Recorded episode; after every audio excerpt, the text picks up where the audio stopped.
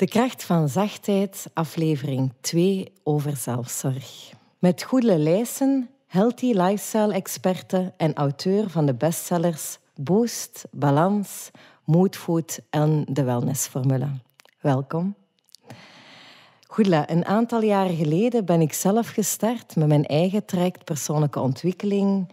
Eigenlijk als antwoord op werkgerelateerde stress en de toen enorm mee kampte.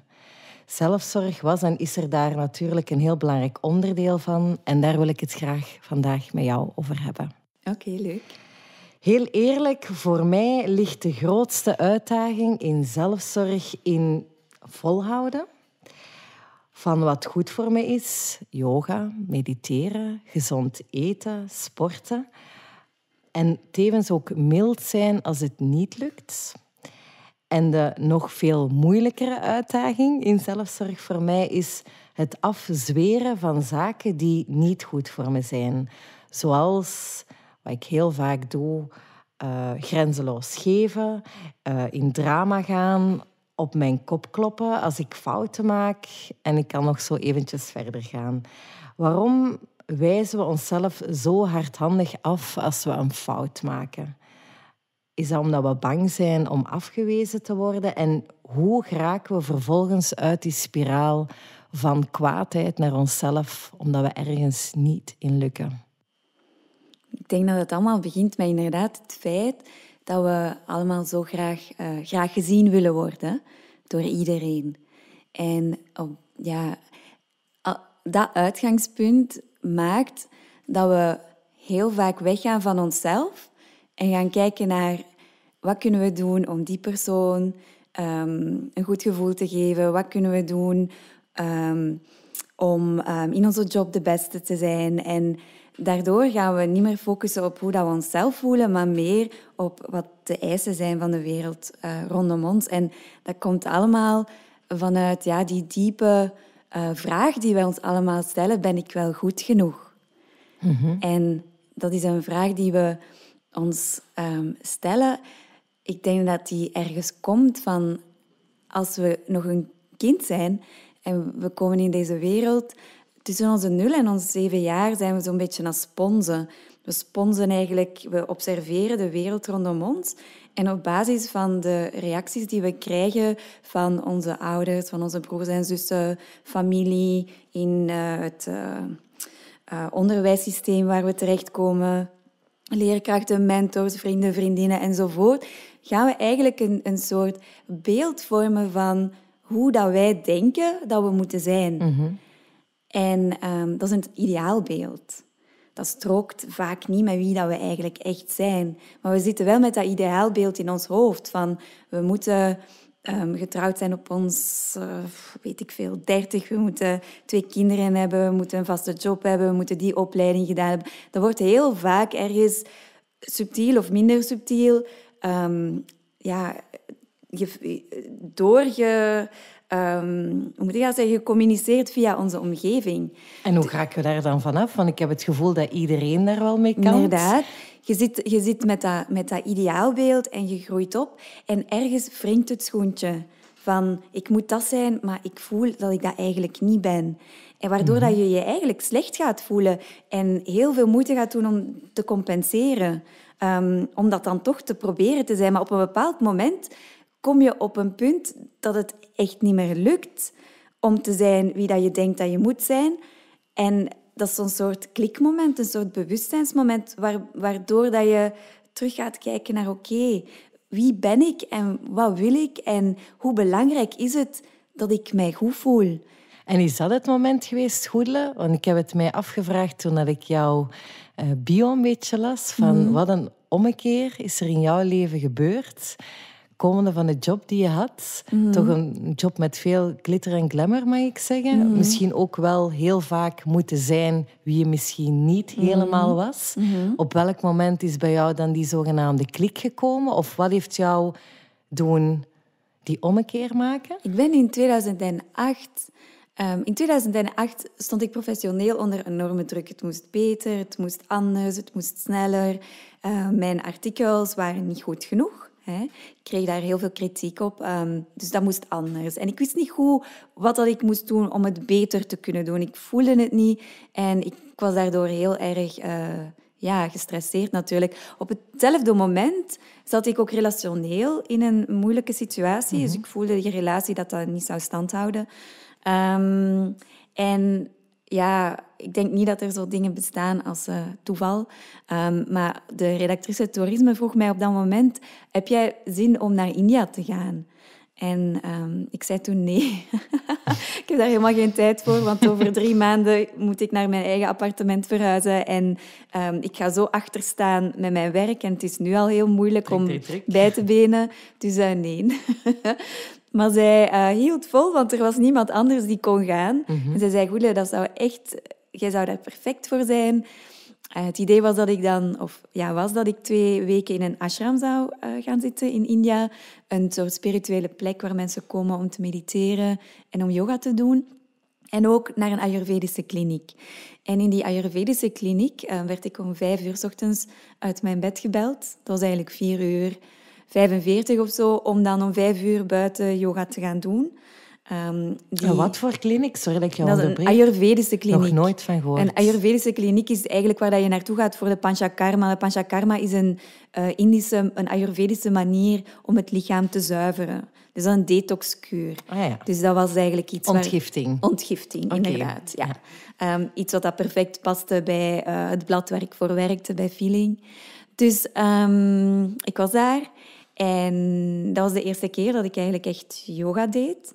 En dat was ook de eerste keer dat ik eigenlijk even stilstond ook bij de dingen, bij mijn ademhaling bijvoorbeeld. In die ashram um, zat ik daar de hele dag te mediteren in een enorme tempel. Dat was een piramidevormige tempel met een zwarte marmeren vloer. En je kreeg dan een soort... Um, ja, een lijstje met alle meditaties van dan tot dan, dit soort mhm, meditatie mhm, van dan mhm. tot dan. En ik zat daar de hele dag alles te proberen en ik voelde die rust, ik voelde die ademhaling, ik voelde mij heel veel aanwezig in het moment.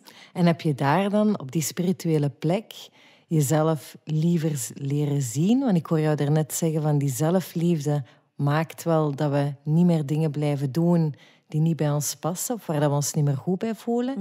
Is dat moment geweest? Wat, wat dat ik voelde is van, goedele, als je nu niet beter voor jezelf gaat zorgen, dan loopt het gewoon verkeerd af. Ergens een soort realisatie van, herpakt jezelf, want dit is niet oké. Mhm. En ik denk, helaas, helaas, denk ik dat dat bij heel veel mensen ehm, zo ver moet komen dat er ergens... En ja, afhankelijk of dat je een burn-out hebt en dan daarna begint beter voor jezelf te zorgen of er gebeurt iets heel dramatisch in je leven dat je denkt van oei, hoe is dit kunnen gebeuren? Ik moet uh, ja, afstand nemen. Er wordt iemand, iemand afstand nemen van mijn leven of er wordt iemand ziek in je leven, waardoor dat je plotseling geconfronteerd wordt met het feit dat je ongelooflijk snel voorbij aan het gaan bent aan de dingen die eigenlijk belangrijk voor je zijn op zo'n momenten worden wij, um, ja, bij wijze van spreken, op ons plaats gezet. Hè? Mhm. Van oké, nu moet je het hier in handen gaan nemen, nu moet je iets doen. En heel vaak, wat dat ik ook merkte, is door stil te staan, zo die plotse, um, dat bewustzijn van hoe moe dat ik ook was. En hoe, hoe rampzalig dat mijn lichaam er eigenlijk aan toe was. Zeker in, uh, in die Ayurvedische kliniek. Je begint te detoxen out of the blue. Um, ik dronk toen ook nog alcohol, dat doe ik niet meer sinds 2011, maar ik dronk wel af en toe een glas champagne en dat past dan ook bij mijn glamoureuze job. Hè. Um, ik at ook heel vaak heel onregelmatig, omdat ik vaak aan het reizen was en er was niet altijd eh, eten. Ja, ik kon niet altijd koken voor mezelf, niet altijd goed zorgen voor mezelf. Of ik had dan dat excuus van ik ben in een hotel, dus ik ga maar iets uit de minibar halen. Of Um, dus uh, ja, ik, ik zorgde ook gewoon echt niet goed voor mezelf. En natuurlijk, jezelf niet kunnen zijn is super slopend. Ook al, ook al. Um, het feit inderdaad dat, um, ik, dat ik functioneerde in een wereld... En pas op, je kunt perfect jezelf zijn in die wereld, hoor. Maar ik had het gevoel dat ik ergens moest beantwoorden aan een, een beeld dat ik had van hoe een beautyredactrice moest zijn. En ik herinner mij heel goed Um, ik stond aan de receptie van de gebouwen waar ik werkte en er kwam iemand um, een uh, adverteerder langs die ik nog nooit gezien had om uitleg te geven over een nieuwe productlancering. En die zei tegen mij, ah, wel, je ziet er nu perfect uit zoals ik mijn beautyredactrice heb voor, allez, voorstel. Waardoor dat ik dacht, oké, mijn huid moet zo zijn, ik moet zo opgemaakt zijn. Je hebt ergens dan dat perfecte plaatje in je hoofd dat je dat, waar dat je dan aan moet beantwoorden. En uiteraard is dat niet mogelijk. Mm -hmm. ik had toen op dat moment ook heel veel last van uh, voedselintoleranties.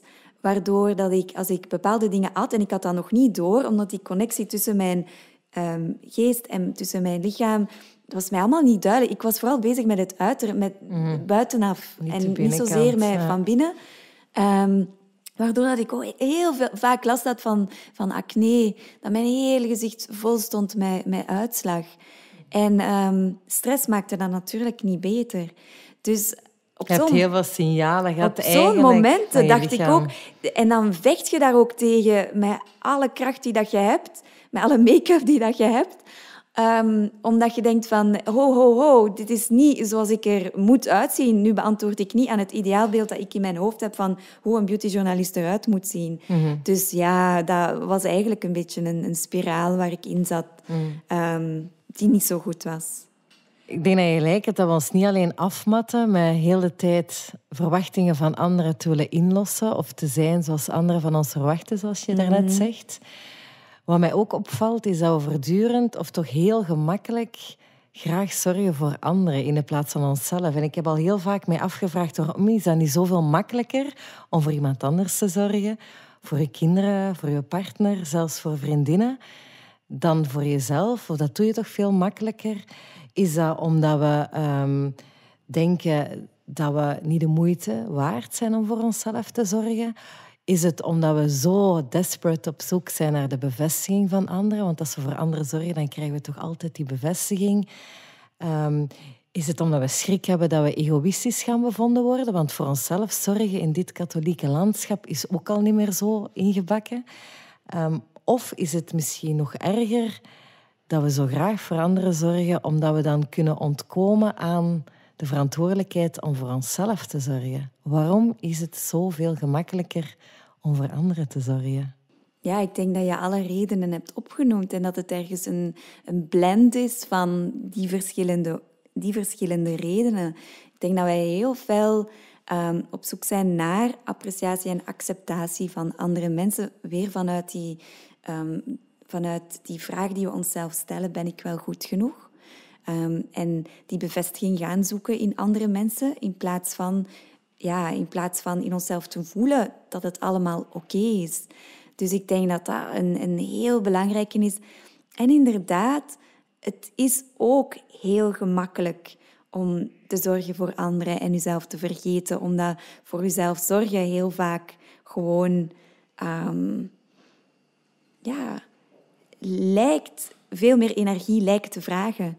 Maar ik hoor jou zeggen, als je voelt dat je goed genoeg bent, dat is misschien de vraag van 1 miljoen die iedereen zich stelt. Hoe leer je voelen dat je goed genoeg bent? Ja, en daar is ergens die eerste stap zetten naar... Ik doe iets voor mezelf en ik voel hoe goed dat, dat voelt. Maar ik doe iets heel kleins voor mezelf. Zoals? Uh, ik maak elke avond een thermos warm citroenwater voor mezelf. Zodat als ik ochtends opsta, dat het eerste wat dat ik kan doen, um, is een kopje warm citroenwater drinken in de zetel als iedereen nog slaapt. En dat ik dat gevoel heb van rust mhm. voor mezelf. Mhm. En een keer diep inademen en een keer uitademen en een keer goed uitademen en een keer zuchten en alles loslaten. Je hebt helemaal gelijk. Mhm. En toch overkomt het mij heel vaak dat ik van mijn werk kom, best wel eventjes ook rijden, heel de dag van de ene vergadering in de andere ben gehold. Mm Mij ook niet heb afgevraagd of ik zo'n vergadering kan doen. Dat geef ik toe. Ik kom thuis. Ik weet dat ik deugd ga hebben van een yogasessie en gezond eten. Maar ik ben afgepeigerd. Ik plof neer in de zetel. En ik denk, heel eerlijk... En ik moet nu nog gaan zorgen voor mezelf, of wat? En het ontbreekt me aan de energie, ook al weet mijn hoofd dat het beter zou zijn. En hetgeen wat ik wel al heb geleerd, wat zeker niet te doen is op dat moment, is op mijn hoofd gaan kloppen, omdat het mij niet lukt. Ik merk dat heel veel vrouwen daar soms mee kampen, dat ze dan ook nog eens kwaad worden op hunzelf, omdat ze er niet in lukken om naar de yoga te gaan. Dus dat is het alleszins niet. Ik hoor jou zeggen kleine stapjes, daar geloof ik wel in. Maar wat zou jouw advies zijn? Ik kom afgepeigerd van mijn werk en ik denk van, laat me alsjeblieft gewoon in de zetel ploffen. En dan? Dan, afhankelijk of dat je van thee houdt, zou ik een kop thee voor mezelf zetten. En zou ik... Er zijn fantastische apps. Bijvoorbeeld, ik weet niet of je de Insight Timer kent. Um, Ken de, Headspace? De Calm app. Nee, nog um, niet. Het zijn fantastische apps. Insight Timer, ik denk dat daar oh, 20.000 meditaties, gratis meditaties van teachers van over de hele wereld op staan. En bodyscans, yoga mm nidra, um, dingen om, te, om je te um, herladen. Uh, om zelfs misschien gewoon in slaap van te vallen. Mm Hele laagdrempelige dingen. Het enige wat je moet doen is gaan liggen in je zetel. Ik leg dan zo een, een, een oogkussentje op mijn ogen. Ik doe mijn ogen toe. Ik heb mijn dekentje, thee eventueel. Hè. En je gaat liggen en je pakt 15 minuten of al is het maar vijf minuten, als je jezelf geen vijftien minuten gunt. En je ligt en je laat je gewoon begeleiden in iets. Mhm. en, en dat is ook op zich al heel erg goed. En, klinkt haalbaar, dank je goed. Klinkt haalbaar, omdat dat eigenlijk zo laagdrempelig is. En dat is het hele punt van wat dat je zegt. En je maakt de juiste reflectie. Ehm, je zegt, ik heb een hele dag van de ene vergadering naar de andere gehold. Ik zit lang in mijn auto. Ik kom thuis, ik ben helemaal afgepeigerd. En dan moet ik nog. Dus dat betekent mhm. dat je... Je dag is, is eigenlijk hè, veel te zwaar voor wat dat je eigenlijk aan kunt. Waardoor dat je, als je s'avonds thuis komt, niet meer voor jezelf kunt zorgen, omdat je zoveel gegeven hebt aan andere mensen en het, het, het, het vat is leeg. Je moet jezelf eigenlijk opladen. Maar op een heel laagdrempelige manier, waarop ik zeg, die apps zijn daar echt ideaal perfect voor. Een warm bad of een warme douche bijvoorbeeld kan ook helpen. En dat is ook niet moeilijk. Je gaat daaronder staan en je laat gewoon alle stress van je af douchen. Ik ben heel blij met dat plan B en ik denk vele vriendinnen met mij. Want dat is het effectief van dan voel je, dat moet je nog en dat weegt zo zwaar. Mm. En dan verval je in niets doen. Maar ik ben mm. blij te horen dat er gewoon er zijn ook alternatieven, is. absoluut. Maar ik zou toch nog gewoon heel even toch nog eens willen terugkomen op wat je zei. Dat we ons gewoon ook, dat we ook gewoon heel realistisch moeten zijn mhm. in hoe dat wij ons leven gewoon um, plannen. plannen. Mhm. En als je te veel doet, ja, er is een grens aan wat dan een mens kan doen op een dag. Mhm. en, en soms is het ook gewoon goed als je ziet dat je in dat zelfdestructief gedrag vervalt, om ook gewoon even afstand te nemen en te kijken, is dit het leven dat ik wil? Wil ik mij zo voelen elke avond? Omdat in essentie, waar, waarvoor dat wij de dingen doen die we doen, is omdat we ons willen voelen op een bepaalde manier. En... Um, Uiteindelijk, als je daar dan even bij stilstaat, hoe wilt je voelen? Energiek, gelukkig, rustig enzovoort. Als de dingen die dat je doet in je leven daar niet bij passen, is het dan misschien geen goed idee om even te kijken hoe kan ik mijn leven zo um, uh, inrichten, inplannen, dat ik mij beter voel. Ik begrijp wat je zegt.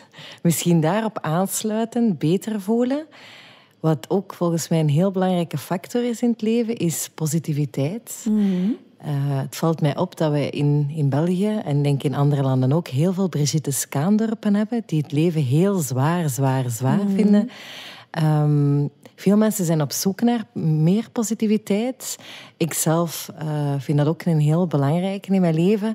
En ik ben zelf op zoek gegaan naar hoe lukt dat dan om van die zwaarte af te geraken. En naar mijn gevoel, en ik wou het eens eventjes met jou ook aftoetsen, mm is een eerste stap eigenlijk meer nee durven zeggen tegen mensen, tegen andere mensen.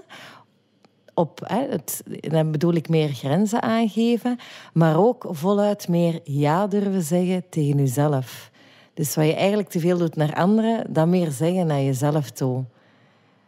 Ja, als ik jou hoor praten over um, positiviteit, dan um, is het eerste wat dat in mij opkomt, is, is dankbaarheid. de dankbaarheidsreflex.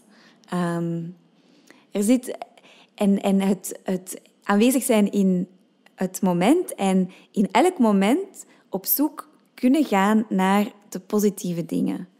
En dat is iets waar dat we onszelf in kunnen trainen.